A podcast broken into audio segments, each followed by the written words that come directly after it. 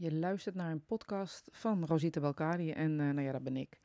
En deze podcast uh, is als titel Lekker Lang Podcasten. En dat betekent ook dat ik dat dus gewoon lekker lang ga doen.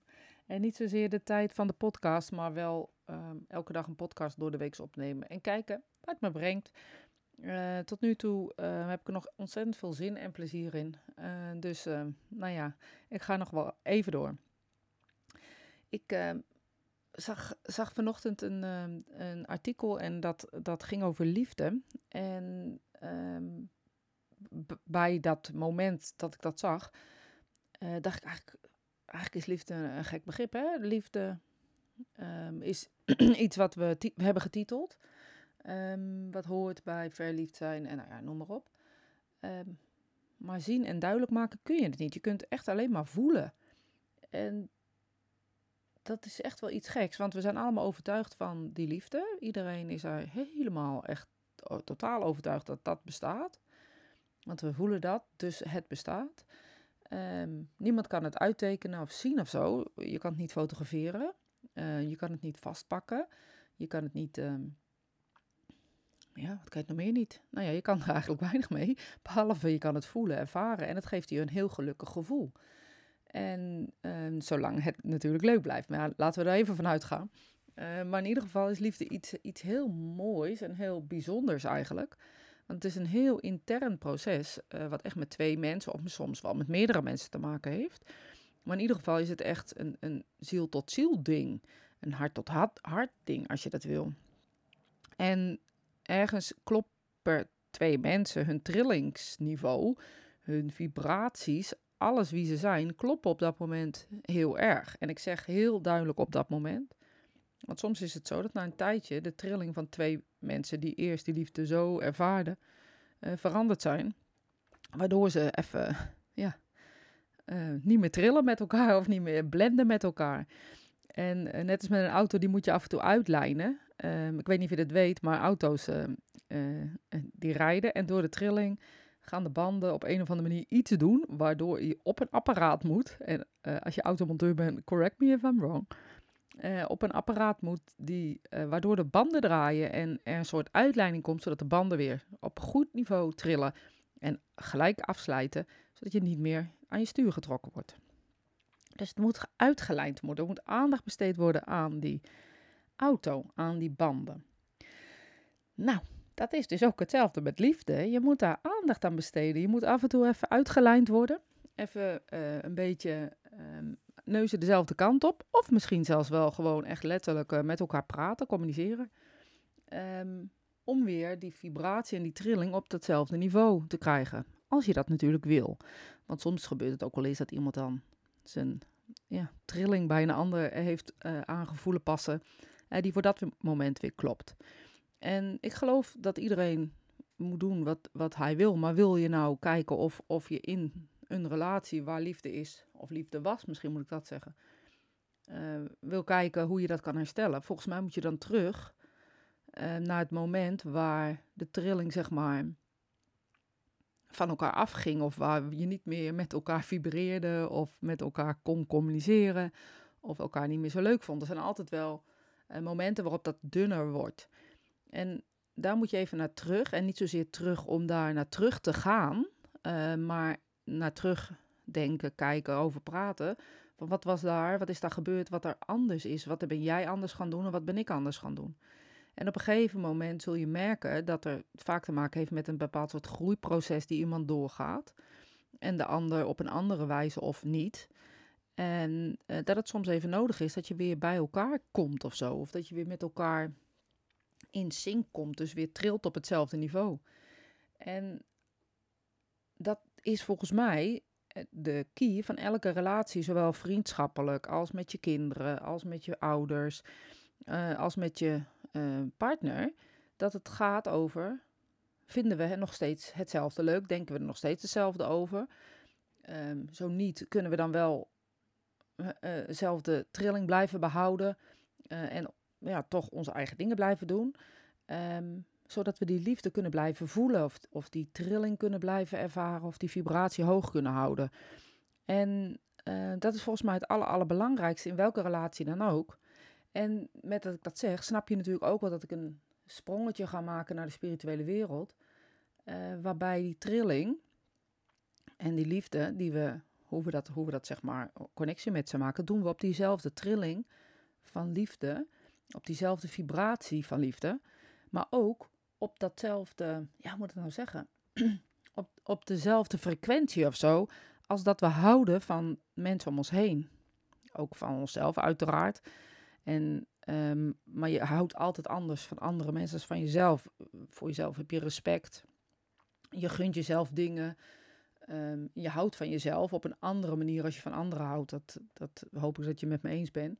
En ben je het niet met me eens, kunnen we daar best een keer een podcast over opnemen. Ehm, maar je, je moet, ja, dat is, dat is gewoon anders. Ik bedoel, je kan wel van jezelf houden, maar die stem in je hoofd kan je ook jezelf bekritiseren. Hebben we het een andere keer over. Ehm, maar de, de, de trilling en de vibratie en de liefde die in de spirituele wereld is, dat is eigenlijk dat is wat ze zijn. Dus om met ons te moeten communiceren, moeten we dus ehm, die, die uh, vibratie zien te pakken of zo. De connectie zien te pakken daarin. Ja, en dat, dat kan alleen maar door dat te onderzoeken en ehm, dat steeds te doen. Net als met liefde zie je dat niet. Je ziet niet de vibratie en de frequentie en de trilling van de spirituele wereld. Maar je voelt dat wel. Je kan dat ervaren. Je kan dat, ja, hoe moet ik dat zeggen? Je kan dat ook, ook instant ervaren. Weet je, als je dit luistert en je bent niet aan het autorijden, want het lijkt me heel onhandig als je je ogen dicht doet. Uh, maar sluit heel even je ogen en, en vraag aan de spirituele wereld: laat me eens voelen hoe jullie trilling of jullie vibratie, hoe voelt dat? En let dan eens op wat intern of bij je hoofd, bij je schouders, bij je hart, bij je voeten, bij weet ik veel wat. Hoe, wat gebeurt er? Voel je een, een voel je. Ja, voel je is altijd een heel gekke benaming, voel je, voel je.